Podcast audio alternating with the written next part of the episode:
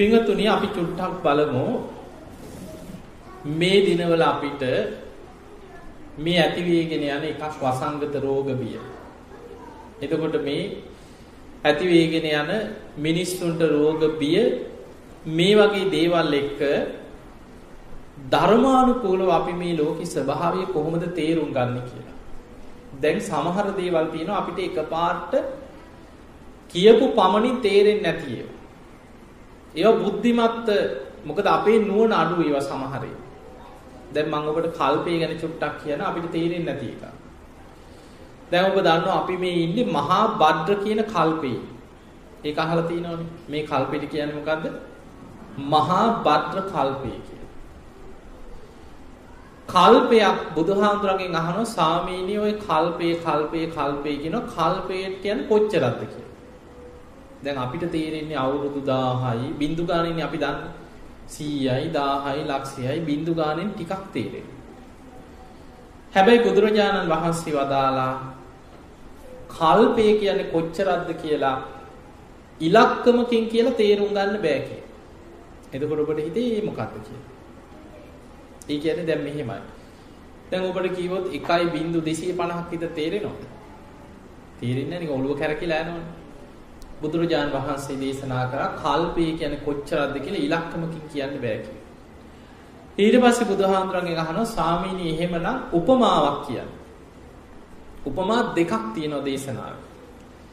එක උපමාවක් තමයි යොදුනක් කියන්නේ සතපුම් 16. සතපුම් 16ක් දිග පළල උස විශාල ගල් පර්වතයක් හිතන්න. ඔබට නිකන් ඔළුවෙන් හිතා ගන්නකො ලොකු ගල් පර්වතයක් ගැන. සැතපුම් 16ක් දිග පළල උස ඇති විශාල ගල් පර්වතයක් තියෙනවා. අවුරුදු 100කට එක වතාවක් සිනීදු සලුවකින් යම්තම් උඩින් ගල් පර්වතේ පිස දානවා කියලා හිතන්න. නිකන් සලුවකින් උඩින් පිහ දාගෙන යන. අවුරුදු 100කට එකපාර. ආයමත් අවුරුදු 100කට පස්සේ යම්තම් පර්වතේ උඩින් පිහ දාන. අවුරුදු 100කට ආයමත් එකපාරයි. මහණෙනි වෙන හේතුවක් නෙමෙයි. පිස දැමීම නිසා ඔය පර්වතයේ ගෙවිලා ගෙවිලා ගෙවිලා අවසන් වෙන දවසක් එනවා. මහා කල්ප එකක් කියන්නේ ඒ වගේ කියලා හිතන්න කියලා. ඔක නිකන් තේරෙනවා මෙහෙම. අපි දන්නවා මෙහෙනම් නැතුව ඇති. මිරිස් කල් තියෙනවද ගෙවල් වල? ඈ? මෙහෙත් තියෙනවා. ගෙනාපු ඇති ලංකාවෙන්. එතකොට පරම්පරා ගානක් මිරිස් හඹරන මිරිස් ගල බලන්න මැදින් නිකන් වල වගේ හැන්ලා නැද්ද ගෙවල් වල? ඇයි? අපි නිතර ඒ මිරිස් හඹරනවා ලූණු හඹරනවා අර ගලේ කාලයක් යනකොට මැදින් වල වගේ හැරේ. දවසට කී සැරයක් මොනවා හරි ලූණු තලනවා කී සැරයක් මේ ගලින් ගල අතුල්ලනවා. ඊළඟට ওই චෛත්‍ය ළඟ ඔබ දැකලා ඇති නිතර වදින චෛත්‍ය ළඟට. යටිපතුලට මැදිලා සමහර ගල් පතුල් තියෙනවා වල වගේ හැරි. එතකොට හිතන්න කී දෙනෙක් පාගල පාගල යටිපතුලට මැදිලා මැදිලා දෙහිම වල වගේ හැරෙන්නේ කියලා හිතන්න.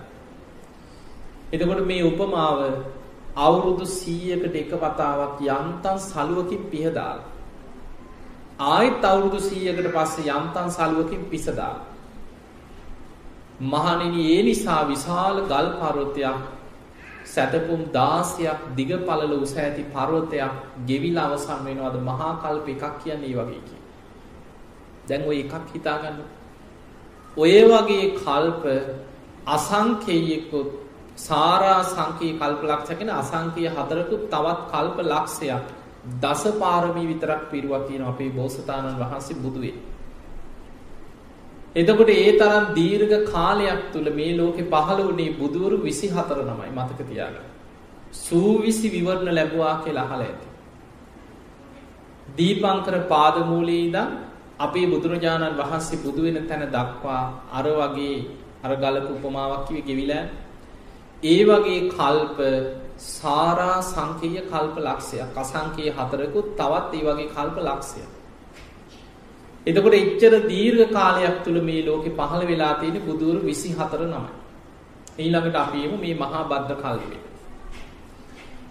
අපි ඉන්නේ එක මහා බද්ද කල්පයකට අන්තක් කල්ප 64 ඒවා හතරක් තියෙනවා. නිකන් ඔළුවෙන් මතක තියාගන්න. හිතන්න යන්න එපා වැඩි. ඒ අන්තක් කල්ප 64 ඒවා හතරේ පළවෙනි 64 තමයි මේ. එයිනොත් හතරවෙනි අන්තක් කල්පය අපි මේ ඉන්නේ. එක අන්තක් කල්පයක් කියන්නේ මිනිස්සුන්ගේ ආවිස අවුරුදු 10 ඉඳන් ටික ටික ටික ටික කාලයකට වැඩි වෙලා වැඩි වෙලා වැඩි වෙලා අවුරුදු අසංඛ්‍යයට වැඩි වෙනවා කියන්නේ. දෙවියන්ගේ ආවිසත් ඉක්මෝල යනවා කියන්නේ.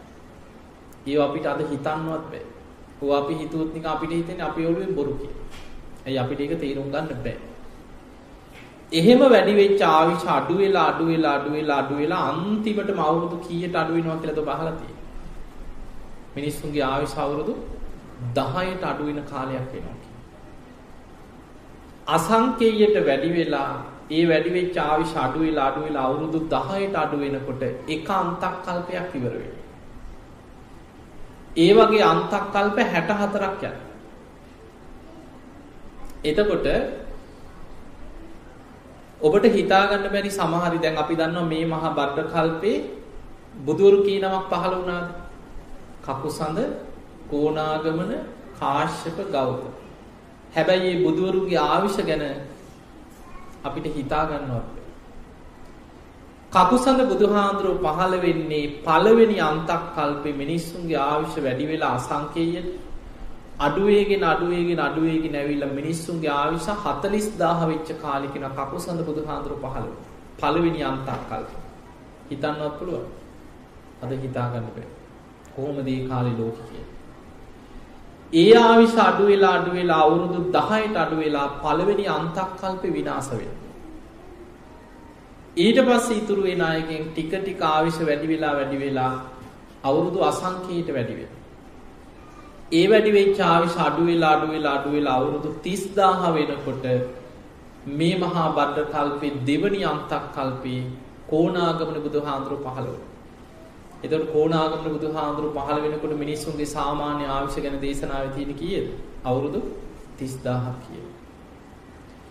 ඒ ආයුෂත් අඩු වෙලා අඩු වෙලා අඩු වෙලා අවුරුදු 10ට අඩු වෙලා දෙවනි අන්තක් කල්ප විනාශ වෙනවා. එතනින් ජීවිත බේරෙන අයගෙන් ආයමත් ටික ටික ආයුෂ වැඩි වෙලා වැඩි වෙලා අවුරුදු අසංඛ්‍යයට වැඩි වෙනවා. ඒ වැඩි වෙච්ච ආයුෂ අඩු වෙලා අඩු වෙලා අඩු වෙලා අවුරුදු 20000 වෙනකොට තුන්වෙනි අන්තක් කල්පේ කාශ්‍යප බුදුරජාණන් වහන්සේ පහළ වුණා.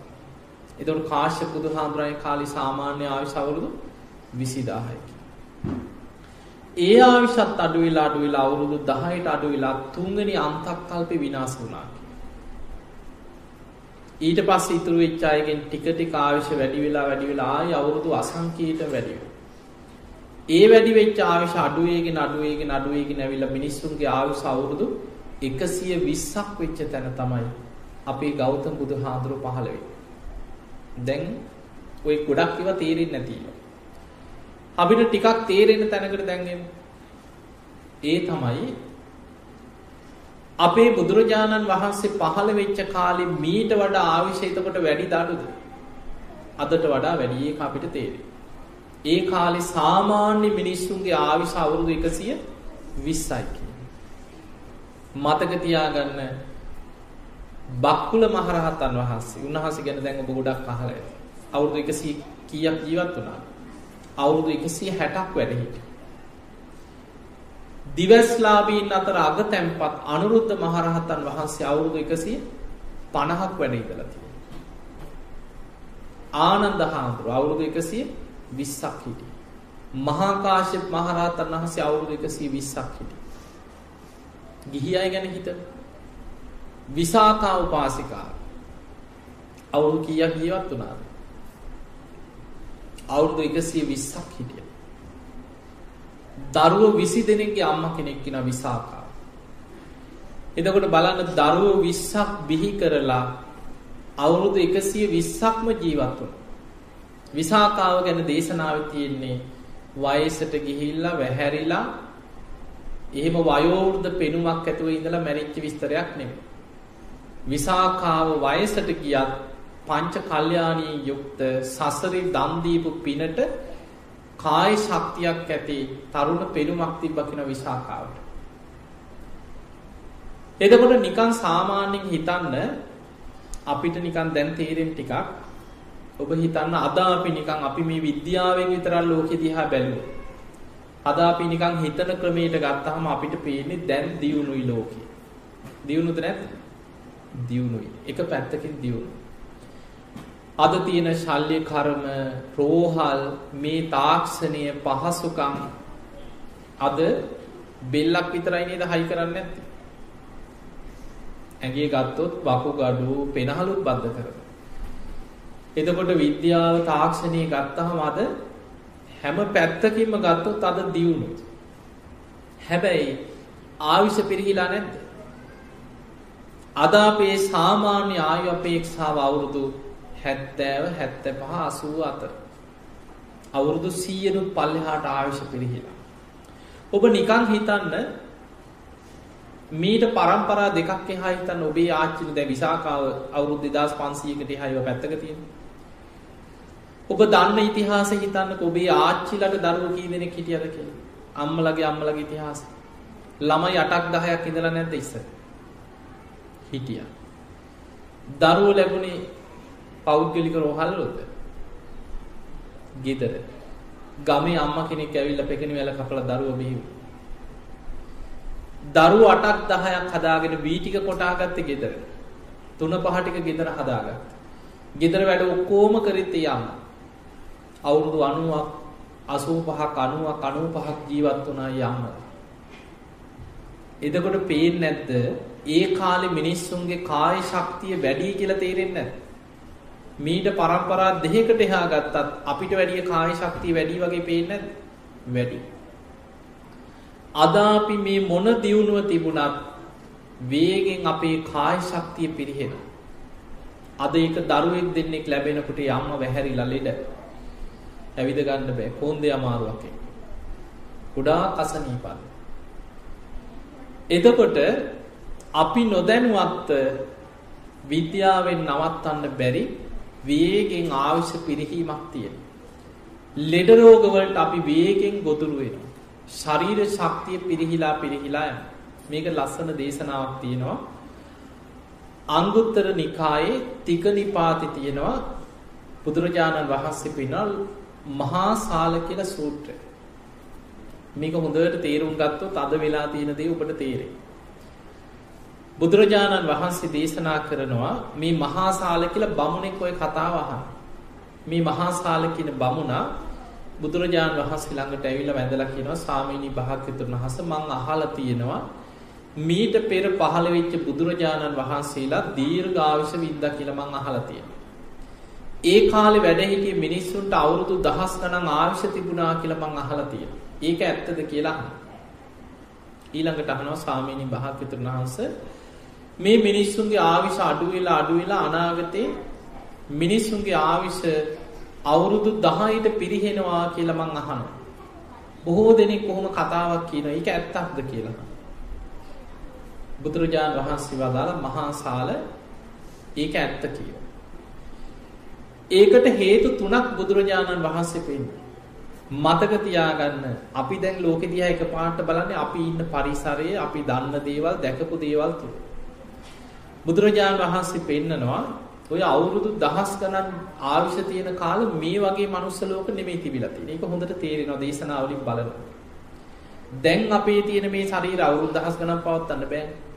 මීට වඩා ශරීරවල ස්වභාවයත් ගොඩාක් වෙනස්. පරිසරය වෙනස්. බුදුහාඳුරු පෙන්නනවා මහණෙනි දීර්ඝායුෂ තියෙනකොට මනුස්ස ලෝක දිව්‍ය ලෝක වලට වඩා සැප බහුලයි කිය. එහෙනම් අපිට පේනවා එහෙනම් මනුස්ස ලෝක ගොඩක් වෙනස්. මේ මනුස්ස ලෝක නෙමෙයි එහෙනම්. දිවිය ලෝකවලට වඩා මනුස්ස ලෝක සැප බහුල වෙනවා. එතකොට ඇතැම් දෙවිවරු හිතනවලු දැන් අපිට මනුස්ස ලෝක හොඳයි කියලා දෙවියන් මනුස්ස ලෝකෙ හිත පිහිටවනවා කියලා. ඔබ අහලා ඇති සක්විති රජවරු ගැන. දේශනාවලින් හරි අහලා ඇතිනේ. දෙතිස් මහා පුරුෂ ලක්ෂණ තියෙන රජවරු දීර්ඝායුෂ ඇති කාලේ මේ ලෝකෙ පාලනය කරනවා කියලා. ඒ රජවරු සිවුරඟ සේනා පිරිවරාගෙන අහසින් යන්නේ කියලා. ගුවන් යානාවල නෙමෙයි පුණ්‍ය 이르දීන් අහසින් යන සේනාවත් එක්ක. එතකොට පේනවා මේ කාලේ මිනිස්සු අහසින් යනවා. එහෙනම් මේ වගේ කයවල නෙමෙයි. ඒ පරිසර දේශනා අහනකොට ගොඩාක් වෙනස්. හැබැයි බුදුරජාණන් වහන්සේ පෙන්නා මහණෙනි මිනිස්සුන්ගේ ආයුෂ පිරිහෙන්නේ කෙලෙස් වැඩි වෙනකොට. අකුසල් බලවත් වෙන්න බල. ওই දීඝ චක්‍රවර්ති සීහනාද සූත්‍රය පෙන්නනවා අසංකේයයේ ඉඳන් අකුසලෙන් අකුසලේ වැඩි වෙන්න වැඩි වෙන්න ආයුෂ පිරිහීගෙන පිරිහීගෙන යන හැටි.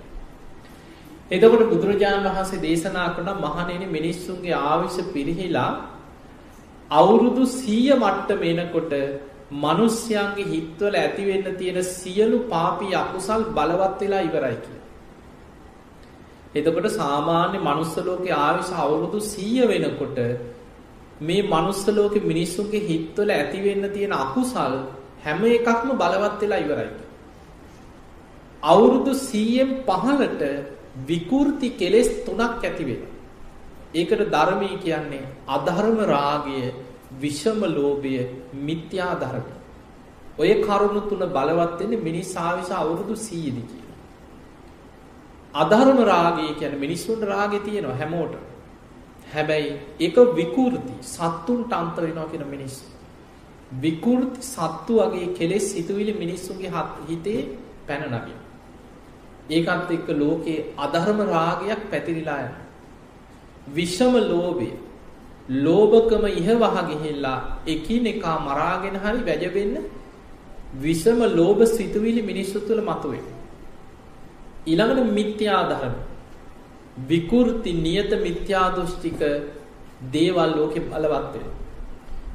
ඔය කරුණු තුන බලවත් වෙනකොට බුදුරජාණන් වහන්සේ පෙන්වන මහණෙනි පොළොවාසී දෙවියන්ගේ ඉඳන් අකනිටා බඹලවටම දෙවියන් ගැන දෙවියන්ට මිනිස්යන් ගැන විශාල කලකිරීමක් පැතිරෙනවා. එතකොට දෙවියන් මිනිස්සුන්ගෙන් ඈත් වෙනවා කියන්නේ.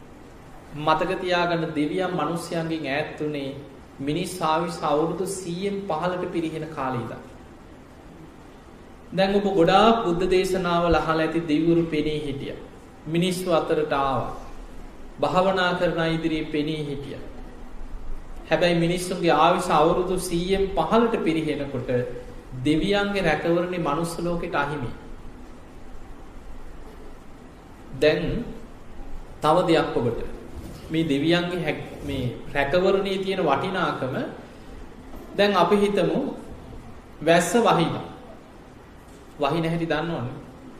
ඔබ වැසි චක්‍රය කියලා එකක් ඉගෙනගෙන ඕන කෙනෙක් කියයි සාමාන්‍ය දැනුමක් තියෙන කෙනෙක් ආ වහින්නේ මෙහෙමයි කියලා ඕක විද්‍යාත්මකව පැහැදිලි කරා. අපි කවුරුත් වැස්ස වහින හැටි දන්නවා. හැබැයි ධර්මයේ විස්තර කරනවා වැස්ස වලාහක දෙවිවරු කියලා 이르දි බල සම්පන්න దేవතා කොට්ටාසයක් ඉන්නවා. ඒ අයට පුළුවන් කියනවා 이르දියෙන් ස්වභාවික වැස්සට බලපෑම් කරන්න පුළුවන් ඒ වැස්සෙන් හානියක් වෙනවා නම් ඒ දෙවියන්ට වැස්ස පාලනය කරන්න 이르දියක් තියෙනවා කියන.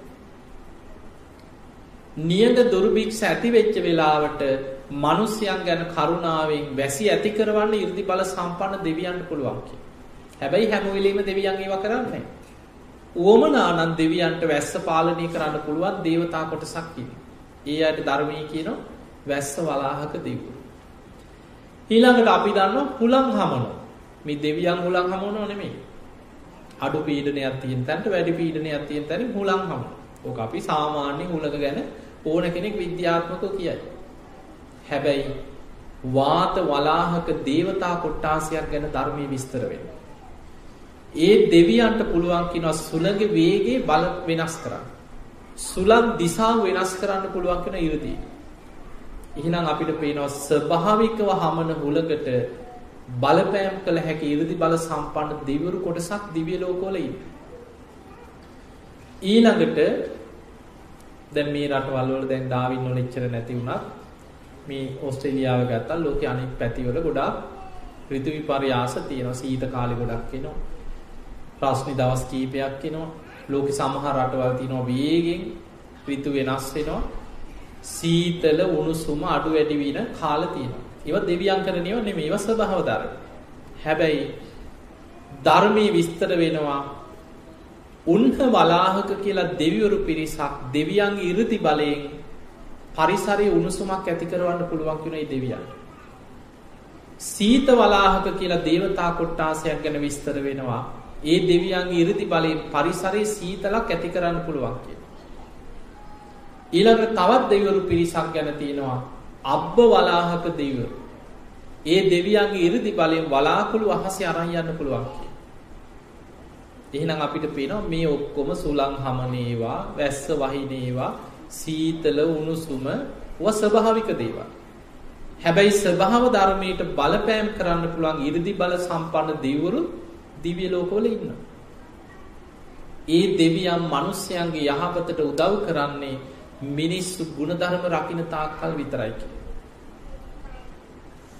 අධර්ම රාගයේ විෂම ලෝභය මිත්‍යා ධර්මයේ බලවත් වෙනකොට බුදුරජාණන් වහන්සේ පෙන්නනවා පොළොවාසී දෙවියන්ගේ ඉඳන් අකනිටා බඹලව දක්වාම මිනිස්යන් ගැන අපකීර්තියක් අප්‍රසාදයක් කලකිරීමක් දිව්‍ය ලෝකවල දෙවියන්ට පැතිරිලා යනවා කියලා.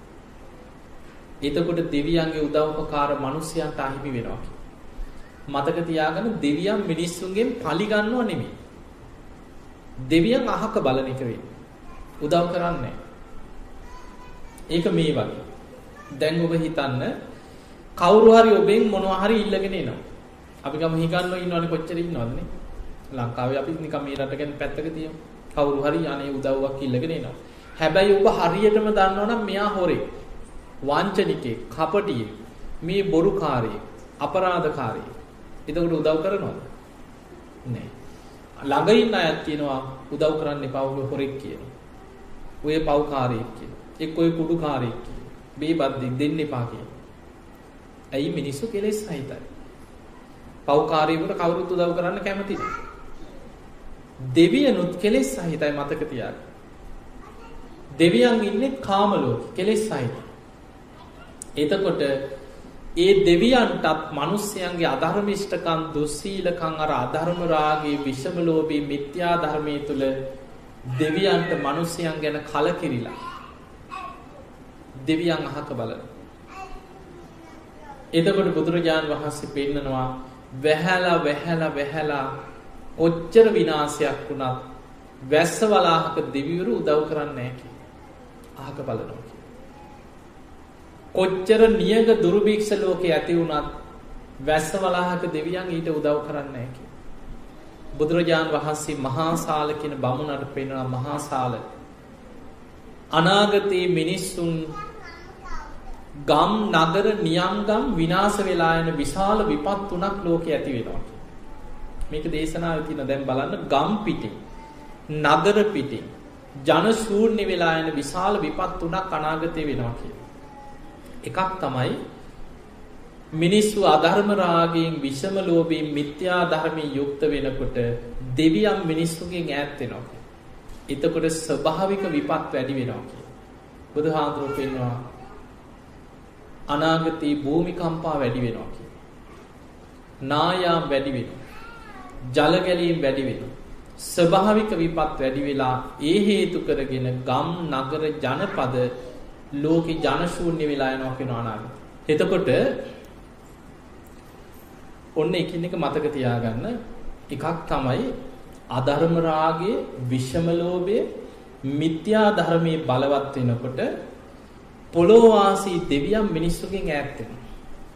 ඒ ඈත් වෙනකොට ස්වභාවික විපත් වැඩි වෙනවා.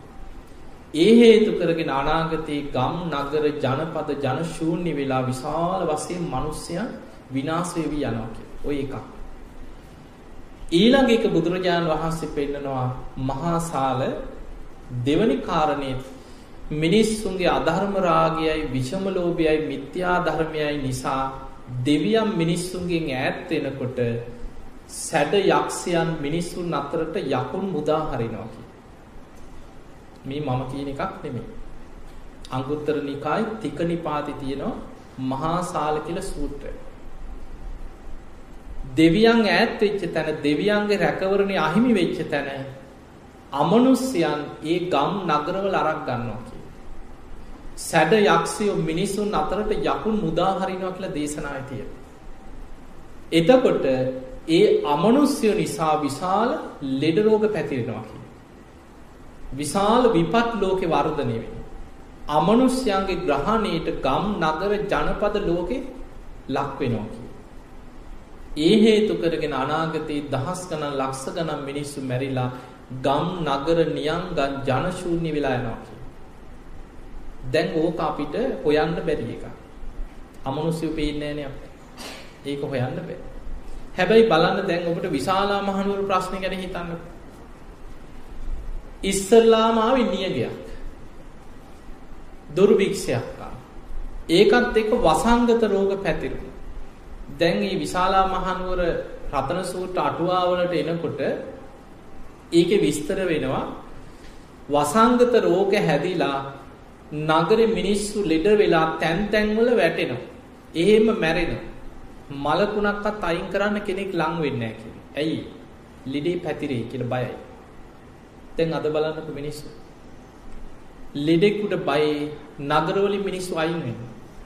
නගර වහලා ප්‍රවාහන නවත්තලා මිනිස්සු ගෙවල් වලට කොටු වෙලා ලෙඩේ පැතිරෙයි කියලා කොච්චර මිනිස්සු ලෝකේ දියුණුම නගරාද ජනශූන්‍ය මට්ටමට නගර එහෙමම වහන. විශාලා මහනුවර තැන් තැන්වල මිනිස්සු මැරිලා කුණු වෙලා යනවා කි. මුළු නගරේම මලකුණු ගඳ පැතිරෙනකොට ඈත යුදුම් ගණන් හිටිය අමනුස්්‍යය නගරයට ඇවිල්ලා අමනුස්්‍යයෝ නගර පිරුණකි. යන්තම් මිනිස්සු ජීවිත රැකගන්න ගෙවල්වට කොටු වෙලා හැංගිලා තැන් තැන්වල හැංගි හැඟි මිනිස්සු ආරක්ෂාවෙන වසංගතය. හැංගි හැඟි බේරේ. නගරි දවසකට මැරෙන ගාන සීය දෙසීය තුන්සීය දාහම් මැරෙන්න්න ගත්ත කියෙන විශාලා මහන. එතකොට නගරි බුදුහාමුදුරු පහළ වෙලා අවුරුදු දෙකයි බුදු වෙලායිව. ඒ වෙනකොට විශාලා මහනුවර නගරයේ තුන්බියක් රෝග දුර්භික්ෂ අමනුස්ස. ලෙඩරෝගත් එක්කම වසංගතයත් එක්කම අමනුස්සවදුරත් බලවත්. එතකොට බුදුරජාණන් වහන්සේ බුදු වෙලා දෙවනි අවුරුත්. රජගහනුවර වේලු අනාරාම වැඩහිට. ඒ වෙලාවෙ තමයි අවසාන ලිච්චවී රජවරු ආරාධනා කරා බිම්බිසා රජ්ජරු මාර්ගයෙන් බුදුරජාණන් වහන්සේ වඩි. ඒ වඩින කතාව බහල ඇති. එතනදි මතක තියාගන්න බුදුරජාණන් වහන්සේ එද්දාස් දෙසිය පණහක් මහරහතන් වහන්සේලා පිරිවරාගෙන වැඩම කරලා ඉස්සල්ලාම පිරිත් පැන් එකක් පාත්තරයට පිරිත් කරලා ආනන්ද හාමුදුරන්ට දෙනවා නගරේ ප්‍රාකාර වලලු තුන වටා යමින් නගරයට පිරිත් පැන් ඉහින්නකි. බුදුරජාණන් වහන්සේ අධිෂ්ඨානයක් කරාගෙන බුද්ධ අධිෂ්ඨාන අපිට හිතාගන්නවත් බෑ. බුදුරජාණන් වහන්සේ අධිෂ්ඨානයක් කරනවා ඒ පිරිත් පැන් ඉහිනකොට නගරෙට. ඒ පැම්පින්දු හුලගේ හමාගෙන ගිහිල්ලා නගරි ලෙඩ වෙලා අමනුස්සුවදුරෙන් ලෙඩරෝගවලින් වසංගතවලින් දුක්විදින මිනිස්සුන්ගේ ශරීරවල දැවටේවා. බුද්ධානු භාවයෙන් දම්මානු භාවයෙන් සංගානු භාවයෙන් ඒ අයි සුවපත්තේවා කියෙන අධිෂ්ඨානයක් කර. ආනන්ද හාමුදුරු විශාලා මහනුවර කියන්නේ නගරෙ තුන් වතාවක් ප්‍රාකාර තුනකින් විශාල කරා කෙන ජනගහනය වැඩිවීම නිසා. ලිච්චවී රාජ්‍ය. ඔය ප්‍රාකාර වලලු තුන වටා යමින් ආනන්ද හාමුදුරු නගරයට පිරිත් පැන් නිසා. බුදුරජාණන් වහන්සේ නගරයට ඇතුල් වෙන්න සිරිපතුල තියෙනකොට දුර්භික්ෂි නැති වෙලා එකිනෙකට වෙනස් වැසි හතක් ඇදහැරුණ කිය. පොද වැස්සක් මල් වැස්සක් පිණිවැස්සක් එහෙම වැසි හතක් ඇදහැලෙන. දේශනාව තියෙනවා බුද්ධ ප්‍රමුඛ සංඝයා වඩිනකොට බුදුහාමුදුරුවන්ටවත් රහතන් වහන්සේලාවත් නොතෙමේ දෙපසට වැසි ඇදහැරුණ කිය. එතකොට බුදුරජාණන් වහන්සේ නගරි මැද කූටාගාර ශාලාවට රහතන් වහන්සේලා එක්ක වැඩම කළ වැඩහිට. ආනන්ද හාමුදුරු නගරි වටේම පිරිත් පැන් ඉහිනකොට ඒ පිරිත් පැම් බින්දු ඇගේ දැවටිලා මිනිස්සු බලාගෙනින් නැති ලෙඩවලින් සුවපත්ව. නගරම පිරිසිදුනා වැහැන්. ආනන්ද හාන්දුරුව පස්සේ පෙරහැරක් වගේ අර මිනිස්සු ලක්ෂ ගානක් නගර හිටපු මිනිස්සු ආනන්ද හාන්දුරු පස්සෙන් ඇවිල්ලා බුදුරජාණන් වහන්සේ වැඩ හිටිය තැන එකත් පසක වැඳලා වාඩිව. ඔතන තමයි බුදු හාන්දුරුව රතන සූට්‍ර දේශනා කරන්න. රතන සූත්‍රය හොඳට අහල ඇති. කටපාඩන් අයත් මෙතන ඇති. රතන සූත්‍රී පළවෙනි ගාථා දෙක අද ගිහිල්ල බලන්න. ඒ ගාථා දෙක බුදුරජාණන් වහන්සේ පළවෙනි ගාථා දෙකෙන් කෝටි ලක්ෂයක් සක්වල දෙවියන්ට ආරාධනා කළ ඉල්ලීමක් කරා මනුස්්‍යයන්ට පිහිට වෙන්න කිය. දෙවියන්ගේ ආශීර්වාදයයි මිනිස්සුන්ට අවශ්‍ය වෙන්නේ වෙලාවට. පළවෙනි ගාථා දෙකින් බුදුරජාණන් වහන්සේ අර අහසේ රැස්වෙලායින්න යානීද භූතානි සමාගතානි බුම්මානිවායා නිවහන්තලි. මේ අන්තරීක්ෂ රැස්වෙලා ඉන්න සියලූම දෙව් බමුන්ට බුදුරජාණන් වහන්සේ ආරාධනා කළ කියනවා මේ මිනිස්සු අදයිදන් බොහොම ධර්මානුකූලෝ ගුණධර්ම පුරමින් දිවාච රත්තෝච හරන්තිය බන් දවල් රෑ දෙකේ ගුණධර්ම පුරමින් ඒ අයි කටයුතු කරන. තස්මාහිනේ රක්ක තප්පමත් මේ මිනිස්සුන්ව අප්‍රමාදී ආරක්ෂා කරන්න කියලා දෙවියන්ගෙන් ඉල්ලී මක් කරන්න. පළවෙනි දෙවනි ගාථා දෙකින් බුදුරජාණන් වහන්සේ දෙවියන්ගෙන් ඉල්ලී මක් කරනවා විශාලා මහනුවර මේ නගරවාසීන්ට දෙවියන්ගේ පිහිට රැකවරණය ආශිර්වාදය ලබලදින මේ මිනිස්සුන්ව රකින්න කිය. ඊළඟ ගාථා කීපේම තියෙන්නේ බුදුගුණ දහම්ගුණ සඟගුණ සත්‍යයක් ක්‍රියා. බුදුරජාණන් වහන්සේගේ බුදුගුණයක් ගැන කියලා ඒ බුදුගුණේ ඒතේන සච්චේන සුවත් මේ සත්‍යානු භාවයෙන් සුවපත්තය. මේ දම්මානු භාවයෙන් සුවපත්තේ. මේ සංගානු භාවයෙන් සුවපත්තේවා කියලා තුනුරුවන් ගුණ කිය කිය සත්‍යයක් ක්‍රියාවක් කරන්න. ඒ සත්‍යක්‍රියා දේශනාව අවසානය අන්තිම ගාත තුන රතන සූට්‍රය. ඒක විස්තර වෙන්නේ අර අහසේ රැස්වෙලා හිටපු දෙව් බඹුන් අතරින් සක්‍ර දෙවියන් දිවිය ස්වරූපය මවාගෙන බුදුරජාණන් වහන්සේ ඉදිරියේ පෙනීදල තමයි අන්තිම ගාත තුන කියලා වදින් බුදුහාන්දුර. ඒ දේශනාව ආඥාව අපි ඒ විදිහටම පිළිගන්න. සාමීනි භාග්‍යතුන් වහන්සේට අපේ නමස්කාරය යානීද භූතානි සමාගතානි බුම්මානිවායා නිවහන් තලික්කි. තතාගතන් දේව මනුස්ස පූජිතන් බුද්ධන් නමස්සාමි සුවත්ති හෝතු. මේ අන්තරීක්ෂය අහස රැස්සෙලා ඉන්න සියලු දෙව් බමුණු. දෙව් මිනිසුන් වන්දනා කරන බුදුරජාණන් වහන්සේට අපි වන්දනා කරන ඔබහන්සගේ ආඥාව අපි ඒ විදිහටම පිළිගන්නවා බුදුහාමුදුරන්ට අපගේ වන්දනාව වේවා කියලා සක්‍ර දෙවියන් දිව්‍ය ස්වරූපයෙන් අර සියලු දෙවරු වෙනුවෙන් වැන්ද. දෙවනි ඊළං ගාථාවෙන් ධම්මන් නමස්සාමි සුවත්ති හෝතු සංගන් නමස්සාමි සුවත්ති හෝතු කියලා අන්තිම ගාථ තුනෙන් සක්‍ර දෙවියන් තමයි බුදුහාමුදුරන්ට වඳින්නේ ගාත තුන කියලා. එතකොට රතන සූත්‍රය ඔබ අහල ඇති බුදුහාමුදුරන්ගේ සූත්‍ර පිටක විතරත් දේශනාවල ගත්තොත් දහට දාහකට ආසන්නයි සූත්‍ර දේශන. ඒ අතර දේශනා කීපයක් තියෙනවා කෝටි ලක්ෂයක් සක්වල ආඥා පිහිටෝ. දජග්ග පිරිත. ඊළඟට බොජ්ජංග පිරිත කන්ද පිරිත ආටානාටී සූට් ඊළඟට රතන සූට්. රතන සූත්‍රයේ බුදුගුණ දහම්ගුණ සඟගුණ තුනරුවන්ගේ ආඥාව කෝටි ලක්ෂයක් සක්වල පිහිටවල තියෙන. ඒගැන ත්‍රහිසාසී ලෝක දහතු ආඥා පිහිටි බලවත් දේශනා. එතකොට ඒ දේශනාවෙනුත් බුදුහාන්දුරුව ඉල්ලීමක් කරන්න කාටු දෙවියන්ට මේ මනුස්්‍යයන්ව රකින්න කිය. මතකතියාගන්න අපි දන්න ඇති වුණාට මේ හැම්ම තැනම නොපෙනෙන බලවේග තියෙන. මහා මුහුද ගැන හිතන් මහා සාගරය අපිට පේන්නේ මොනවද මුහුදේ අපිට පේනව පීනන මාලු එක ඒක විදිහ සත්තු මුහුදේ නොවුන් විතර අපිට පේ බුදුරජාණන් වහන්සේ දේශනා කරනවා පහාරාද සූත්‍රයේ මුහුදේ ඉන්නවා කියන අමනුස්යෝ තිමි තිමංගල තිමිරපින්ඩල නාග අසුර ගහන්දරව කියන අමනුස්්‍යයන් මහා සාගරී ජීවත්තය. සමහර අමනුස්්‍යයන්ගේ ශරීර යොදුන් සීයක් විශාලයිකි. මුහුදෙයි අමනුස්්‍යය. හිතන්නත් පුළුවන්දාට. යොදුනක් යැනි සැතපුම් දාසේ යුදුන් සීයක් විශාල අමනුස්්‍යය මුහුද ඇතුළ හාම හැනවා කිය. නාගලෝක මහා සාගරීතිී අපි දන්න කොහෙ තියන්නේ කියලා අපිට පේන්න. මුහුදෙන් මතු වෙච්ච යුගන්ධන පරෝතිය ගැන බුදුහාන්දුරුව විස්තර කර. අපිට අද ඒක පේන්නේ හොයාගන්නවත්. එහි නාග විමාන තියෙනවා කියන. නාගලෝකෙ නාගයෝ මහා සාගරය ඇසුරු කරගෙනින්. අසුර කියලා අපායක් තියෙනවා දැන් සතර අපාය. නිරය, තිරිසන් ලෝකේ, പ്രേත ලෝකේ, අසුර අපාය. අපි ඒක පේන්නේ අපි දන්නේ. ඒක තියෙන මහා සාගරයේ අසුර කියන අපාය. අමනුෂ්‍ය කොටස. එතකොට මේ සියලු මොහොතේ ඉන්න සියලුම මහා සාගරයේ ඉන්න සත්වයන්ගේ අධිපති කවුද? කොහොමද අහලා තියෙන්නේ? මණිමේකලා කියන දෙවඟන කියන. මණිමේකලා කියන දිව්‍යාංගනාවක් ඉන්නවා මහා සාගරයට අධිපති දෙවඟන.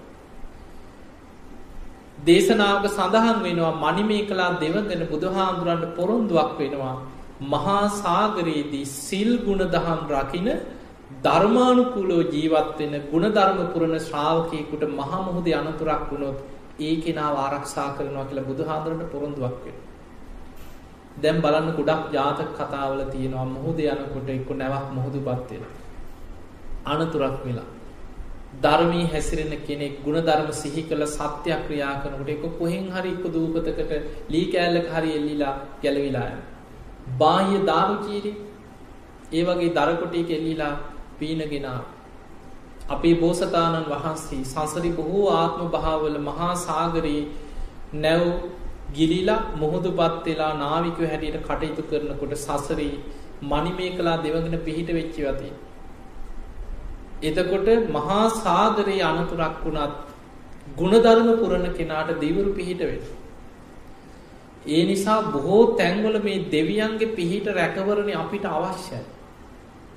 හැබැයි ඒක නැති වෙනවා මිනිස්සු ගුණධර්මවලින් පිරිහෙන. ඒක මනුස්ස ලෝකෙට අපි හිතනවට වැඩිය නොපෙනෙන විදිහට බලපාන. ඒ බලපෑම් අපිට හිතාගන්න බැරි විදිහට එන දැන් බලන්න ඔබ නිකන් හිතන්න දැන් ඔය මේ කාලේ පැතිරීගෙන යන වසංගත.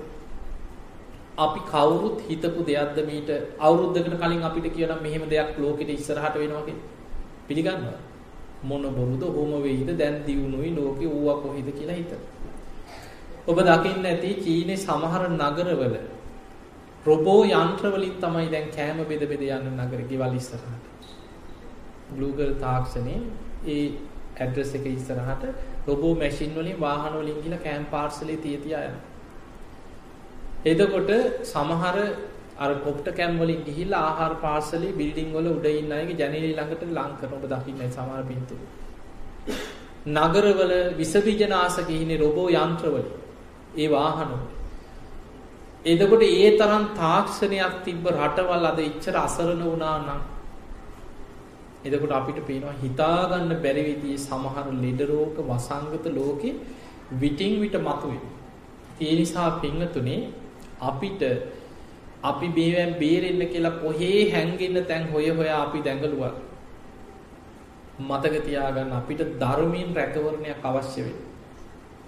දෙවියන්ගේ පිහිට රැකවරණය අපිට ගොඩාක් අවශ්‍ය වෙනවා. ඒ නිසා මේ බුද්ධ ශාසනයේ ගොඩාක් මේ දෙවියන්ගේ පිහිට රැකවරණයත් එක්ක ගොඩනැගිච්ච දෙයක්. දැන් බලන්න අපේ බෝසතාණන් වහන්සේ මව්කුස පිළිසිඳ ගත්ත වෙලාවෙම මේ ලෝකේ සතර දිසා පාලනය කරන සතරවරක් දෙවියන් හතර දෙනා තමයි බෝසත් අම්මගේ හතර පැත්තෙන් හිටියේ.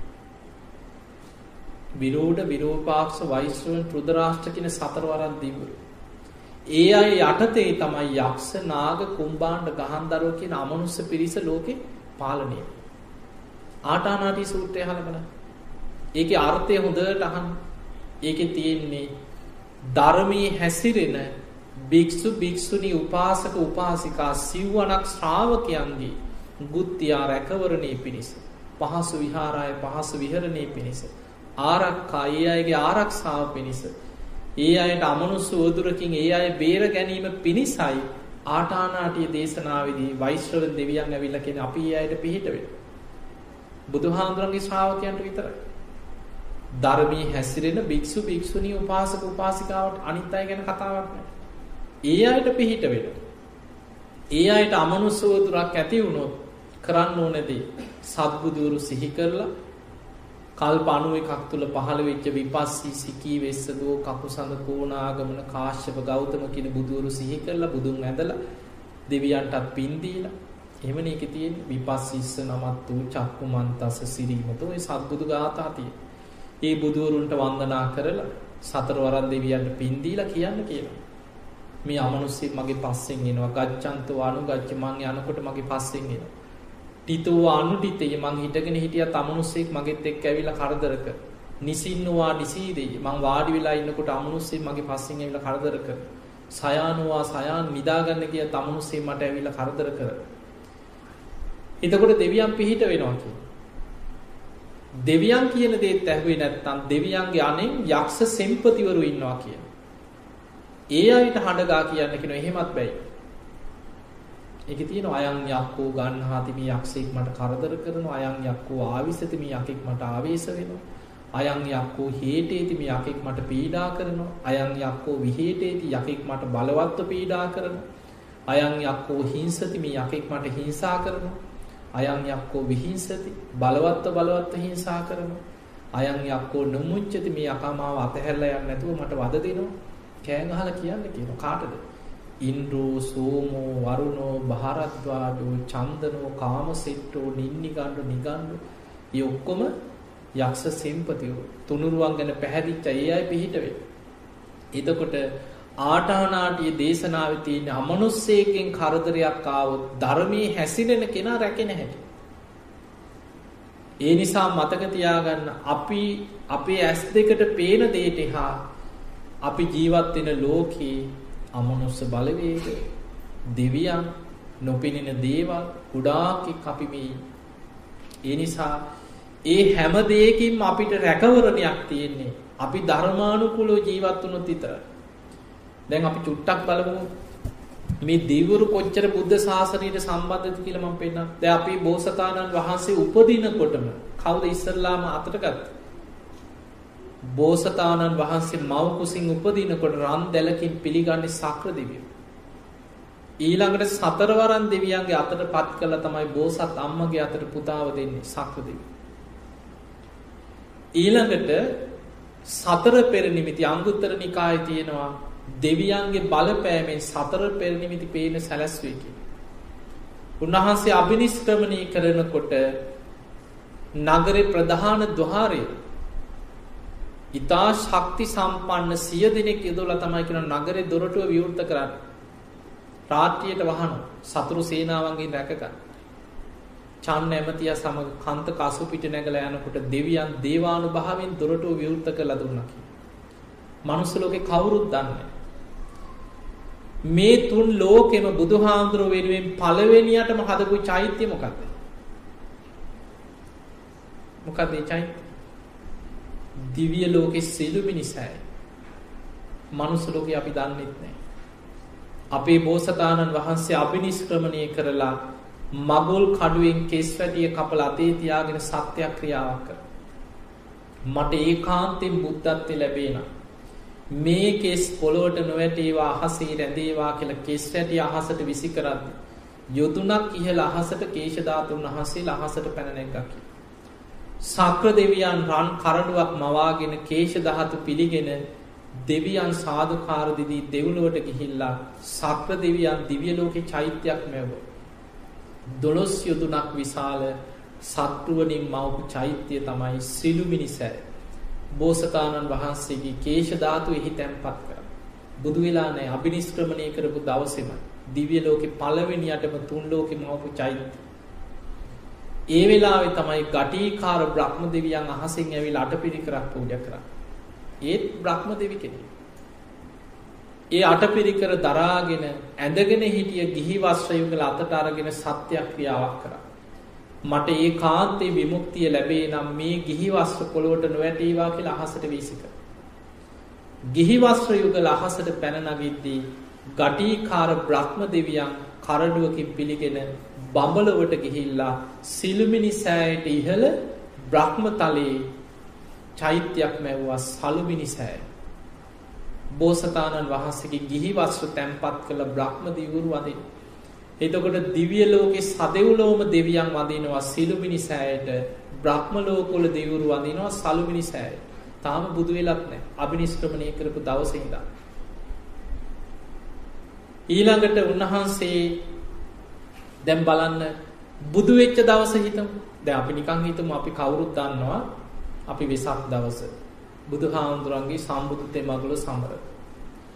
අපේ බුදුරජාණන් වහන්සේ බෝධි මූලයේ දසබිම්බරක් මාරසේනා පරාජය කළ සම්මා සම්බුද්ධත්වයට පත්වෙන. මනුස්ස ලෝකෙ කවුරුත් දැනගත්තද එදා. කවුරුවත් දන්නවා දද බුදු කෙනෙක් පහළ වනාක. කිසි කෙනෙක් දන්න. හැබැයි දිවිය බ්‍රහ්මලෝකොල දෙව් බඹුන් ප්‍රීතිගෝසා කරන. මේ ලෝකෙ බුදු කෙනෙක් පහළ වුණා දෙව්මිනිස් ලෝකයාට නිවන්දොර විවරෙනවා කියලා දෙවියන් ප්‍රීතිකෝසා කර. හැබැයි බුදුරජාණන් වහන්සේ බුදු වෙලා සතියක් බෝධිමූලේ ඒ ඉරියව්වෙන්ම වැඩ ඉන්නකොට දෙවියන් අතර හිත දකින්න බැරි අල්පේ ශාක්‍ය දෙවිවරු කොටසක් සැක කර. තාම බුදු වෙලා නැහැ. තාම වීරිය වඩනවා. ඒකයි ඔය ඉරියව්වෙන් නැකිටින් නැත්තේ කියලා. එතකොට 이르දි බල සම්පන්න දේවරු කියනවා නෑ නෑ බුදු වෙලා ওই විමුක්ති සුව විඳින්මින් වැඩයි. බුදුරජාන් වහන්සේ බෝධි මූලයේදී දැක්ක දෙවියන් අතර අදහස් දෙකක්. බොහෝ දේවරු බුදු වුණා කියලා ප්‍රීතිගෝසා කරන සමහර අය කියනවා නෑ තාම වීරිය වඩනවා. දෙව් බඹුන්ගේ සැක දුරු කරන්න බුදු වෙලා පළවෙනි සති අවසානයේ අහසට පැන නැගලා යමා මහ පෙළහර පෑ. මිනිස්සුන්ගේ සැක දුරු කරන්න නෙමෙයි. දෙව් බඹුන්ගේ සැක දුරු කරන්න. සියලු දෙවියන් බ්‍රහ්මයන් ප්‍රීතිගෝසා කර කර ඒ කාන්තේම බුදු වුණා කියලා ප්‍රීතිගෝසා කරා කියලා. මිනිස්සු දන්නේ නැහැ. දෙවනි සතියේ නේත්‍ර පූජාවක් කවුරුත් හම්බෙන්න ආවේ නැහැ මිනිස්සු. තුන්වෙනි සතියේ රුවන් සක්මන් කිසිම මිනිස්සෙක් ආවේ නැහැ හම්බෙන්නේ. හතරවෙනි සතියේ සක්‍ර දෙවියන් රුවන්ගේ මවන් ඒ මත වැඩ ඉඳලා තමයි අභිධර්මයේ මෙනෙහි කරන්නේ. සවනක් ගන බුද්ධ රශ්මි දහරා බුදු සිරුරෙන් නිකුත්වෙන කවුරුත් මනුස්සෙක්කාවෙන හම්බේ. පස්වෙනි සති අජපාල නුගරුක මුලදී ලෝකයාට දහම් දෙසන්න ආරාධනා කරන්න බුදු හාන්දුරන්ට කවුද. සහම්පති මහා බ්‍රහ්ම දෙවිය.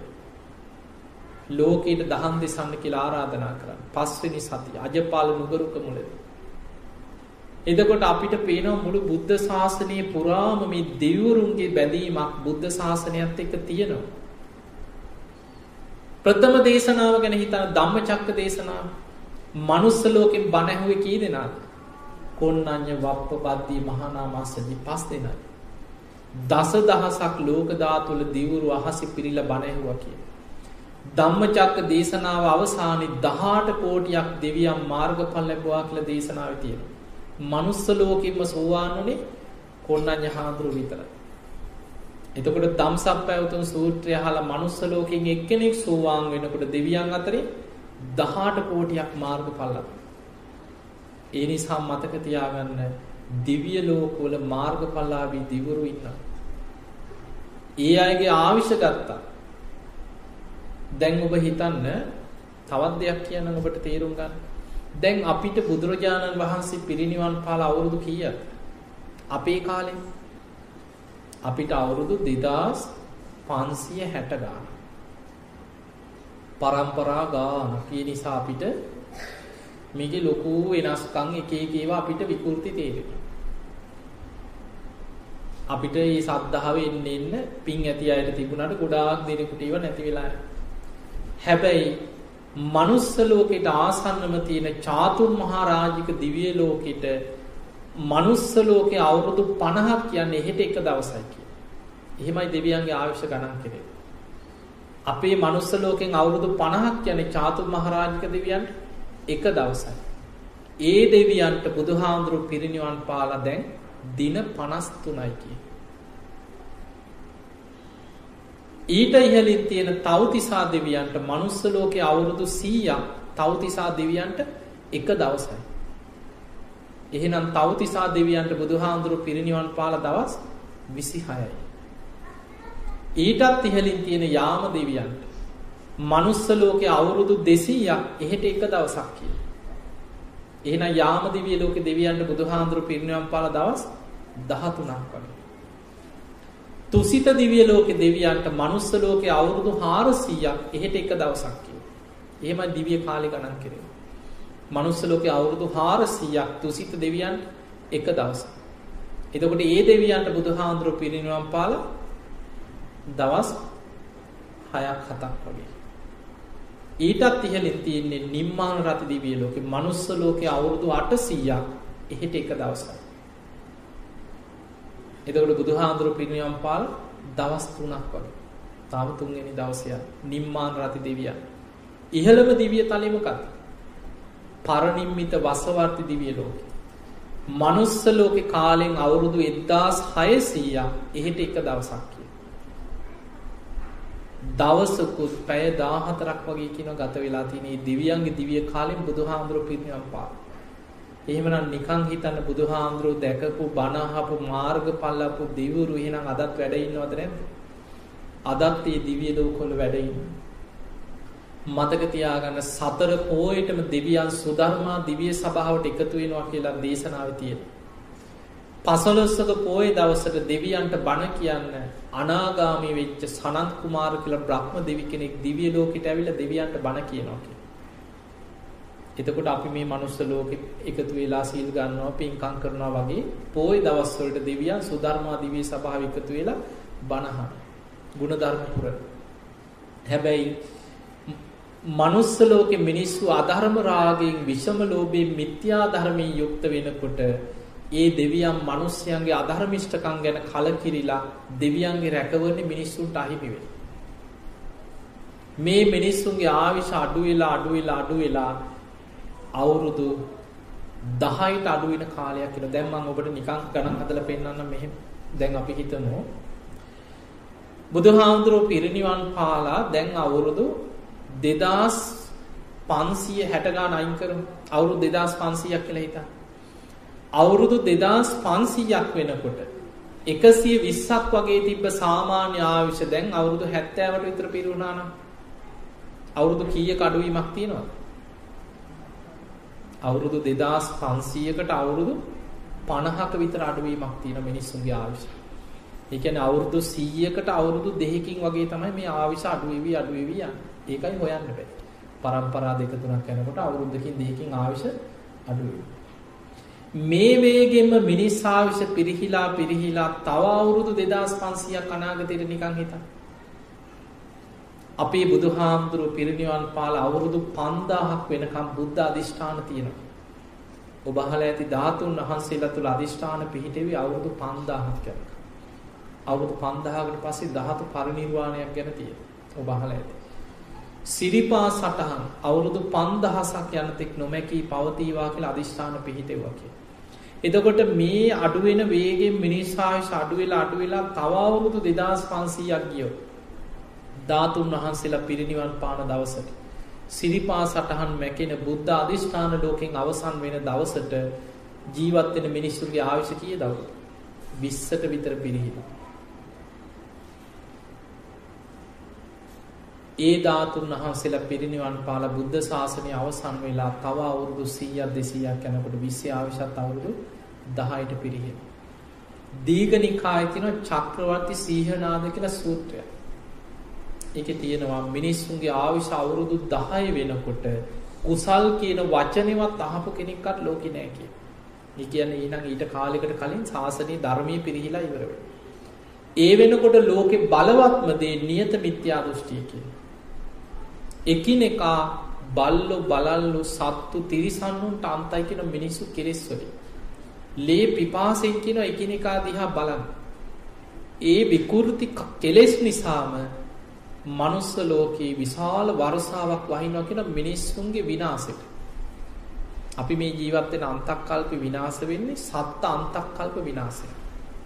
අවිආවිදවලින් මරාගෙන විනාශ වෙන අන්තක්කල්පයක් මේ. ඒකට ධර්මය කියන්නේ සත්ත අන්තක්කල්ප විනාශ.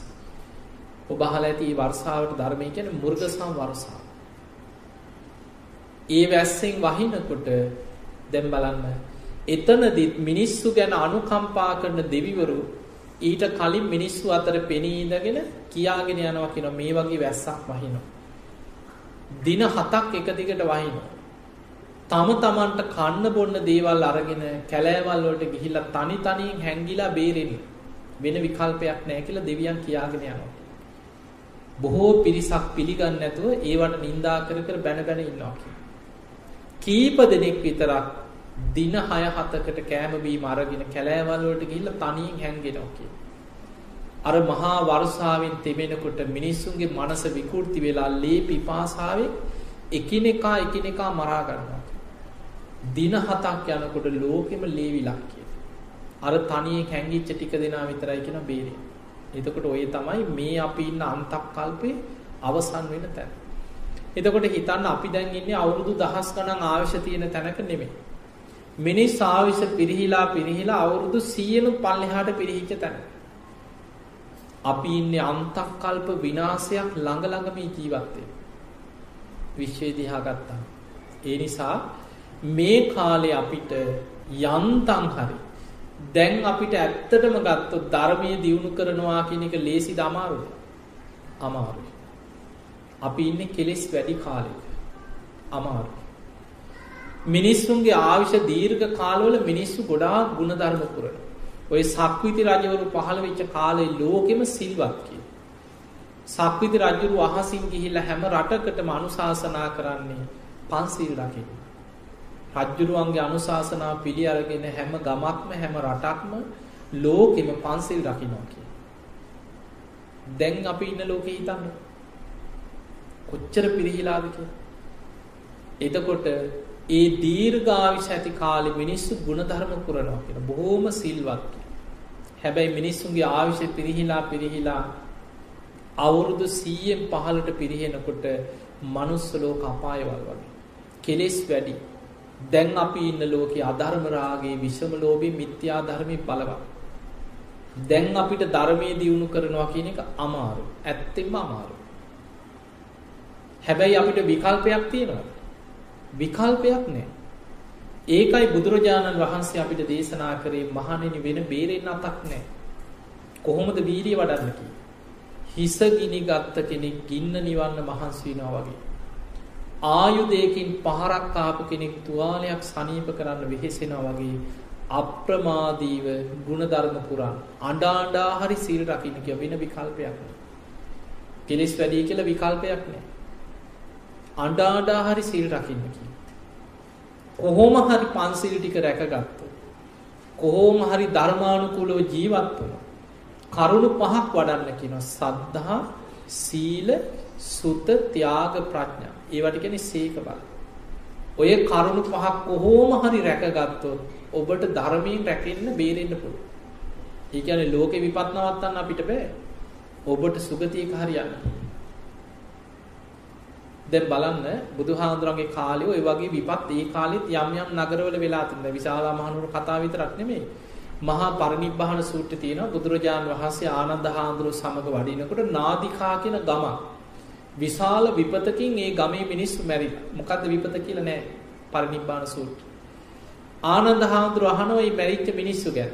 ස්වාමිනී අසවල් කෙනෙක් මැරිලා කොහෙද ඉපදුනේ? අසවල් භික්ෂුණිය මේ ගමේ හිටිය. අසවල් උපාසකයා හිටිය. බුදුහාඳුරු කලින් ඒ ඒ අය ඉපදිච්ච තැන් කියලා පොදුවේ කියනවා ආනන්දි මේ ගමේ 500කට වැඩි කියන සෝවාන් වෙච්ච. ඒ ඔක්කොම දිව්‍ය ලෝකෙ ඉපදුනා මේ විපතෙන් මැරිච්ච මිනිස්සුන්ගේ 50කට වැඩි කියන අනාගාමි වෙච්ච අය. 90 දෙනෙක් විතර අනා සකදාගාමි වෙච්ච අය හිටියා කියලා. ඒ ඔක්කොම දිව්‍ය ලෝකවල ඉපදිලා ඒ අය ඒකාන්තයෙන් නිවන් දකින. අනාගාමි වෙච්ච අය සුද්ධාවාස බඹලව ඉපදුණා. ආනන්ද මේ ගමේ සිල් රැකපු බුදුරජාණන් වහන්සේ ගැන සද්ධා මාත්‍රයක් ප්‍රේම මාත්‍රයක් ඇති කරගත්ත කෙනෙක් මරණ මංචකේ බුදුගුණ සිහිවෙච්ච කෙනෙක් හිටියා නම් ඒ සියලු දෙනා දැන් සුගතියකි. ඒ නිසා අපිට ලෝකෙ වෙන විපත් නවත්තන්න බෑ. ලෝකයා යන රටාව වෙනස් කරන්නත් බෑ. අපිට ලෝකෙ මිනිස්සු ධර්මානුකූල කරන්න පුළුවන්. ඒකත් බෑ. ලෝකයාම සිල්වත් කරන්නත් බෑ. හැබැයි අපිට සිල් රැකගන්න පුළුව. අපි උත්සාහ ගත්තොත් අපිට සද්ධාව දියුණු කරගන්න පුළුව. අපිට අපේ සීලෙ හරියට රැකගන්න පුළුව. අපිට බණහල ධර්මය තුළ අපිට රැකෙන්න්න පුළුව. එදකොට අපි කවදක් කොත්තන කොයි මොහොතේ මැරුණත් අපි බේරෙන.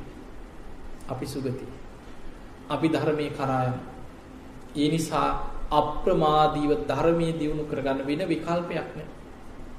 මරණය කියන එක බුදුරජාණන් වහන්සේ පෙන්වේ නත්ති ජාත සමරණ උපන්නාව කෙනෙකුට නොමැරී ඉන්න කිසිම ක්‍රමයක් දැන් නිකං හිතන් නික එක පාට හෙනයක් ගැහුවගේ හිතේ කියපු එක හාමුදුරුව එක නම් හොඳ නෑ කියලත් හිතේ අපි හිතමු මෙතන බණ අහන්න 200ක් ඉන්නවා කියලා. කවදා හෝ මල ගෙවල් කීයක්ද මේ? 200ක්. අපේ පවුලේ 10 දෙනෙක් කියන්නේ කවදා හෝ මල ගෙවල් කීයක්ද? 10ක්. කොච්චර ආදරෙන් පණට පණ වගේ ජීවත් වුණත් කවුරු හරි ඉස්සර වෙනවද නැද්ද? ඉස්සර වෙනවා. ඒක ඇත්තද බොරුද? අපි කවදා කොතන කොයි මොහොතේ හරි අපිට ඒ කාන්තෙන් අපිට මැරෙන්න ඉපදීමත් දුකක් ලෙඩවීමත් දුකක් මරණයත් දුකක්. ඒ නිසා නොමැරී ඉන්න පුළුවන් කෙනෙක් ලෝකේ නැහැ. අප්‍රමාදීව ධර්මයේ පිහිටා ධර්මයේ දියුණු කරා. ඒකයි බුදුරජාණන් වහන්සේ පෙන්නේ එහෙම ධර්මය අල්ලපු කෙනා ගැලවෙනවා දැන් බලන්න බිම්බිසාර රජ්ජුරුව සෝවාන් වෙච්ච කෙනෙක්. නමුත් සසරේ කර්ම විපාකයකට අන්තිම කාලේ හිර දඩුවන් විදින්න වුණා. අර පුංචි කාම්බරයක කොටු කරලා හිරකුටියක තමන්ගේම පුතානේ අජාසත් කන්න නොදී මැරෙනකන් තිබ්බ මේ සෝවාන් වෙච්ච රජු. ඒකට සෝවාන් වුණා කියලා කර්ම විපාක නැති වුණා. ගෙවන්න වුණා. අන්තිමට කන්න දෙන්නෙත් නෑ වතුරත් නෑ හිර කරලා තියලා යටිපතුල් පලලා ගිනි පොකුරුට ඇවිත් දෙව්වා කිය. කොච්චර වද දුන්නද. එච්චර වද දෙනකොටත් ධර්මය පිහිටිය අර හිරකුටිය ඇතුළේ ඉඳම් බුද්ධානුස්සතිය වැඩු. ධර්මී ගුණ සිහි කර. මරණ සතිය වැඩු. ධර්මය හිතන්න මෙහෙමයි. ඇයි මට මෙහෙම වුණේ කියලා හිතන්නේ. අන්න ධර්මය අවබෝධ කරගත්ත බිම්බිසා රජ්ජුරෝ හිතනවා බුදුරජාණන් වහන්සේගේ ධර්මය කොච්චර සත්‍යයක්. ඉපදීම දුකයි කියලා දේශනා කරේ. ඉපදිච්ච නිසා නේද මම මේ දුක් විඳින්නේ. සසරේ කොච්චර මම ඉපදිලා මේ වගේ දුක් විඳ විඳ ඉඳලා ඇත. ඒ ධර්මයේ කාන්තේ සාක්කාතයි සම්දිට්ඨිකයි අකාලිකයි කියලා හිතන. දැන් අපිට කරදරයක් ආපු ගමන් හිතෙන්නේ ඇයි අපිට මෙහෙම වුනේ කියලා. ඉපදීම දුකයි මේ ධර්මයේ තියෙන දේ නේද මේ මන් විඳින්නේ කියලා හිතෙනවද අපිට? ඉපදුනා නම් ළඩ වෙනවා. වයසට යනවා. සෝක අඬල ඇති අපි ඕන තරම් පරිදේව නංගොත් කිය කියන්න දුක්ක දුක් විඳිනවා දෝමනස්ස හූල්ලන උපායා සුසුම් හෙල ඕක තමයි ජීවිතේ. ඒකයි බුදුහාඳුර මේකෙන් ගැලවෙන්න කියන්නේ. ඒ නිසා මේක දුකක්. ඒ දුකට හේතුව තේරුම් අරගෙන ඒකෙන් මිදෙන්න උත්සාහ කරන්න. ඒ පිණිසයි අපි මේ හැම දෙයක්ම කරන්න. බණහන්නේ මොකටද? බොහෝ දෙනෙකින් ඇහුවොත් අනේ කොහොම හරි නිවන් දකින්න ඕන. අනේ කොහොම හරි ධර්මය අවබෝධ කරගන්න. මොකද්ද නිවන් දකින්නවා කියන්නේ? සසරින් මිදෙනවා. ඇයි බුදුහාඳුරු මිදෙන්න කියන්නේ මේක දුකක්. අපි දන් දෙන්නේ. දන් දීලා ප්‍රාර්ථනා කරන්නේ අනේ අපිට මේ දානමේ පින නිවන් අවබෝධයට උපකාර වේවා. පින්කම් කරලා බණහලා ඔය කරන හැම පින්කමක්ම නිවන් අවබෝධයට උපකාර වේවා කියලා නේද අපි ප්‍රාර්ථනා කරන්නේ. ඒ නිසා මතක තියාගන්න ධර්මයේ ප්‍රධානම හරය තමයි බුදුහාඳුරු පෙන්වුවේ මේක දුක. ඒ නිසා මේ ලෝකෙ වෙන හැම දෙයකින්ම අපිට මතුවලා පේන්නේ බුදුහාඳුරන්ගේ ධර්මයේ සත්‍ය. ඉපදීමත් දුකක්, ලෙඩවීමත් දුකක්. වයසට යාම දුකක්. මරණම්පි දුක්ඛ. අප්පියෙහි සම්පයෝගෝ දුක්ඛ. පියෙහි විප්පයෝගෝ දුක්ඛ. යම් පිච්ඡන්න ලබති තම්පි දුක්ඛ. ඊළඟට ඉපදුනානම් සෝක පරිදේව දුක්ඛ දෝමනස් උපායාස දැන් බලන්න ඌව ඔක්කොමත් එක්ක නෙමෙයිද මේ ජීවිතේ විදෝ විදෝ අපි යන්නේ කියලා ඒ නිසා අපිට වෙන විකල්පයක් නැහැ ලෝකේ කොරෝනා නෙමෙයි අනාගතේ මොනවයිද කියලා කවුද දන්නේ ඒ නිසා මිනිස්සු බලන්න මැරෙන හැටි නිකන් හිතන්න. මේ හොඳට කතා කර කර හිටපු මිනිස්සෙ. ටික වෙලාවකින් බලපුවම එක පපුව හිර වෙලා මැරෙලා නහරක් පුපුරලා මැරෙලා සමහර වෙලාවට පුටුවේ වාඩි වෙලායි කොසියට ගිහිල්ලා එළියට ඇවිල්ලා කතා කරනකොට පුටුවේ මැරලා මිනිස්සෙක්. වෙන්නේ නැද්ද මිනිස්සුන්ට? ඒ නිසා මැරෙන්න විශේෂ හේතුවක් ආයවුන්නේ නැහැ. බුදුහාඳුර පෙන්වුවේ ඉහළට ගත්ත හුස්ම ටික පහළට හිරන්න පෙර පණ යන්න පුළුවන්. කටට ගත්ත බත් ටික හිර වෙලා මැරෙන්න පුළුවන්. අපේ ජීවිතේ හරියට තනකොළ ගහක අග තියෙන පිනිබින්දුවක් වගේ. ඒ නිසා අප්‍රමාදීව කුසල් වඩන්න. මව් කුසේ පිළිසිඳ ගත්ත තැන ඉඳන් කවදා කොතන කොයි මොහොතේ මොන විදියට මැරෙයිද කියලා අපි දන්නේ. මරණය සිහි කරන්න. ඒක තමයි ධර්මය අවබෝධ කරන්න අප්‍රමාදී භාවයට උපකාර වෙන භාවනා. මරණ සති භාවනා. ඒ නිසා මරණය ගැන හිතන්න මේ ලෝකේ ඇතිවීගෙන යන හැම දෙයක් තුළම අපිට වෙන කිසිම පිළිසරණක් නැහැ ධර්මය ඇරේ. ඒ නිසා කරුණු පහක් පුරුදු කරා. සද්ධා, සිල්වත්ක, දහම් දැනුම, ත්‍යාග සම්පත්තිය ප්‍රඥා. සද්ධාව කියන්නේ නිතර තුනුරුවන් ගුණ හිතක්. ඔය රතන සූත්‍රයේ තියෙන්නේ තුනුරුවන්ගේ සත්‍යක්‍රියා. නිතර තුනුරුවන් ගුණ හිතක්. ඊළඟට සිල්වත්. හොඳට පන්සිල් ටික රකින්න. හොඳට ශික්ෂාපද ටික රැකගන්න. ඊළඟට සුත නිතර බණහන්. දැන් කොච්චර බණහන්න තියෙනවද? අද ඒකාතකින් ඔබ වාසනාවන්තයි. ඒ තමයි ඔබ ඉස්සර අහලා ඇති ලංකාවේ ඔබේ අම්මලා තාත්තලා. ඉස්සර හිතන්න මීට අවුරුදු 20කට එහා නිකන් ලොකු කාලයක් ඕනේ මෙහෙම බණහන්න තිබ්බද කියලා. ලංකාවේ වුණත් ඉස්සර අර පොයි දවසේ රැයට රජයේ ගුවන් විදුලි යන්තම් බණක් ගියා එච්චරයි. දැන් බණ යන නාලිකා කොච්චර තියෙනවද? ඉන්ටර්නෙට් එකේ බලන්න YouTube එකේ කොච්චර බණ තියෙනවද? ඒ නිසා ධර්ම දේශනා දහම් පොත්ද ත්‍රිපිටකේ අද භාෂා ගානකට පරිවර්තනය වෙනවා. බණ පොත්පත් ධර්ම දේශනා ඕන තරම් ලෝකෙ කොහේ හිටියත් අද බණහන්න අවස්ථාව තියෙනවා. ඒ නිසා බණහන්න හොඳට ආසාවෙන් ගෞරවයෙන් බණහන කාලයක් යනකොට හොඳට ධර්මයේ තේරෙනවා. ධර්මයේ වැටහෙනවා. ධර්මයේ අල්ලගන්න. ඊළඟ එක තමයි ත්‍යාග සම්පatti අතහැරීම. මම ඔබට තව නිකන් ප්‍රායෝගික කතාවක් දෙකක් කියන්නම්. අපි හම්බෙන්න ඔය ඉන මිනිස්සු අතරින් සමහර අය ඉන්නවා නොයෙක් පිළිකා වගේ ලෙඩ හැදිලා එනවා. ඔය ලංකාවේ අපි ඉන්නකොට ඔය සමහර දවස් මම වෙන් කරලා තියෙන මිනිස්සුන්ට ඇවිල්ලා හම්බෙන්නේ. සමහර අය ඇවිල්ලා ඇඟපත හොඳට හදාගත්ත අය. එක්සයිස් කරලා ජිම් ගිහිල්ලා හොඳට ඇඟ හදාගත්ත අය. පොඩි උන් වගේ ඇවිල්ලා අඬන. අනේ හාමුදුරනේ මට මැරෙන්න බෑ මට ළමයි දෙන්නෙක් ඉන්නවා කී කී අඬන. කොච්චර ධර්මයේ කිව්වා සමහරට හිත පිහිටව ගන්න බෑ. එතකොට හිතන්න අපි කොච්චර ඇඟ හදාගත්තත් අපි හිත හදලා නැත්නම් අපි අන්ත අසරණ. දරුවෝ හිටියත් මැරෙනවා නැතත් මැරෙනවා. අපි දන්නේ අපි ඇඟේ මොන වගේ ලීඩ තියෙනවද කියලා. දවසක් එක අම්මා කෙනෙක් ආවා ඇට සැකිල්ලක් වගේ උස්සගෙන. ඒ අම්මා ওই මහරග පිළිකාරෝහලේ ඉඳලා උස්සගෙන ආවා. ඒ දරුවන්ට කිව්වලු අනේ මගේ හුස්ම ටික යන්න කලින් කොහොම හරි හාමුදුර ළඟට මාව එක්කම් ඵලයල්ලා කිව්වා. ඊට පස්සේ එක් කරගෙන ආව මගේ ළඟ. ඒ අම්මා ඇට සැකිල්ල වගේ. මට දැක්ක ගමන් චුට්ටක් බයත් හිතුණා ඒ අම්මව. ගේන හැටි දැක්කා. ගෙනහලා පුටුවෙන් තිබ්බා. මට තේරෙනවා විශාල වේදනාවකින් ඉන්නේ කියලා. ඒ වෙලාවේ මං ඉතින් ඇහුවා අම්මා කොහොමද? ඒ අම්මා hina වෙලා කිව්වා හාමුදුරනේ මම දැන් මැරුණා සුගතිය කිව්වා. ඊට පස්සේ මට ඒ හිතෙනවා මේ බොරුවට කියලා. මං කිව්වා අම්මා හොඳයි අම්මා නිතර බුදු ගුණ හිතන්නේ. ඊට පස්සේ කිව්වා හාමුදුරනේ මම මගේ ඇඟම දනවා කිව්වා.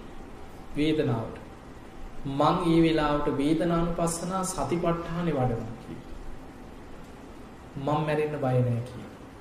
අවුරුදු ගාණක් මං හොඳට භාවනා කරා. මට ටිකක් අහගෙන ඉන්නකොට තේරුණා මේ අම්මා ලෙඩෙන් කොච්චර කය අසරණ වුණත් හිත දියුණු කරගත්ත කෙනෙක්. ඊට පස්සේ මං ඇහුවා කොහොමද අම්මා ඉතින් පස්සේ කිව්වා අම්මා ඉස්සර බණ අහපු හැටි භාවනා කරපු හැටි ඒව ගැන කියලා.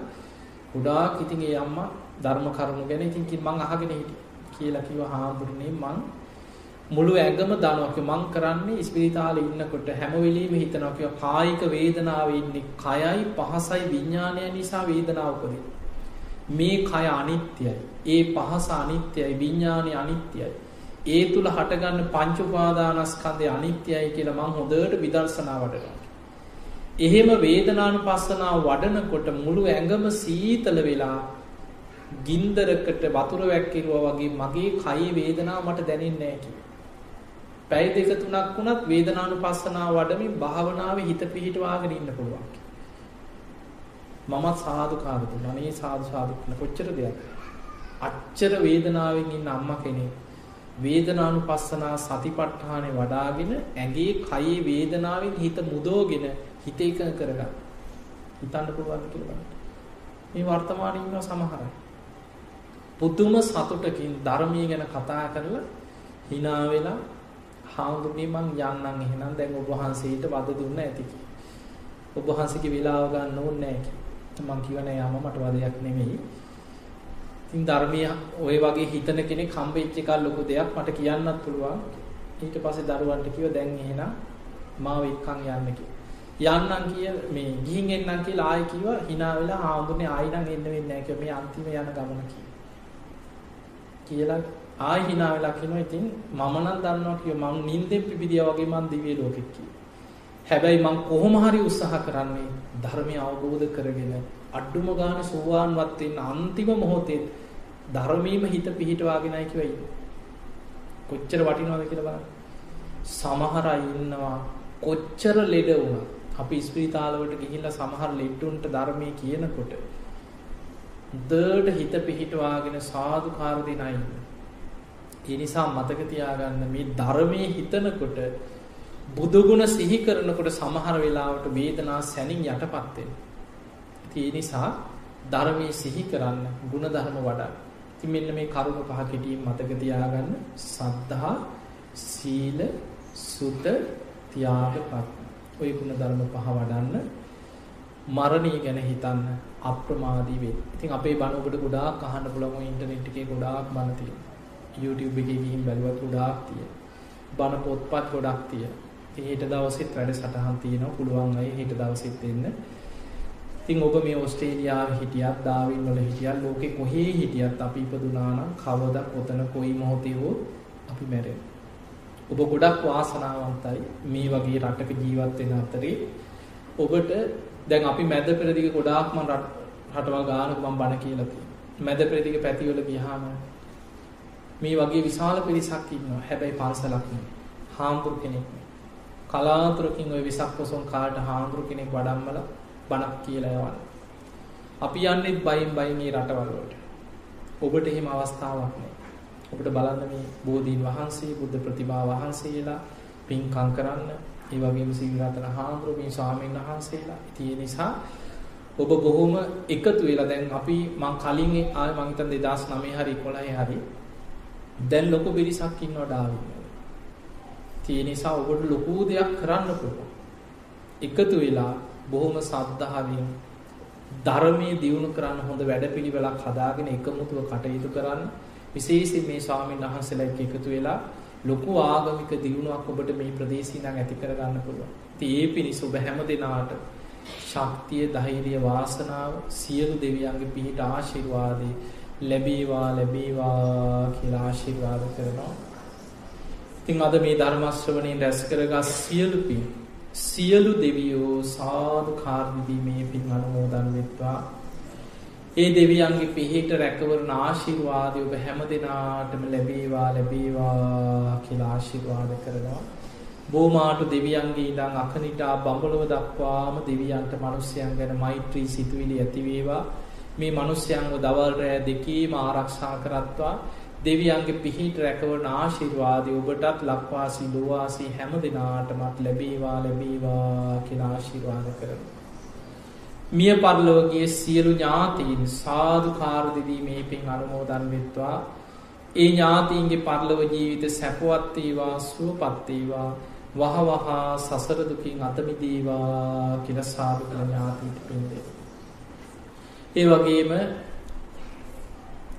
ඩාවින් ජාත්‍යන්තර බෞද්ධ මධ්‍යස්ථානයේ ඒ විහාරාධිපති පූජනීය නායක හාමුදුරන් වහන්සේ උදෙහිනේ සීල රතන හාමුදුරන් වහන්සේ ඒ වගේ මේ වැඩ ඉන හාමුදුරන් වහන්සේ ඇතුළු සියලු සාමීන් වහන්සේලා නිදුක් වේවා නිරෝගී වේවා සුවපත් වේවා.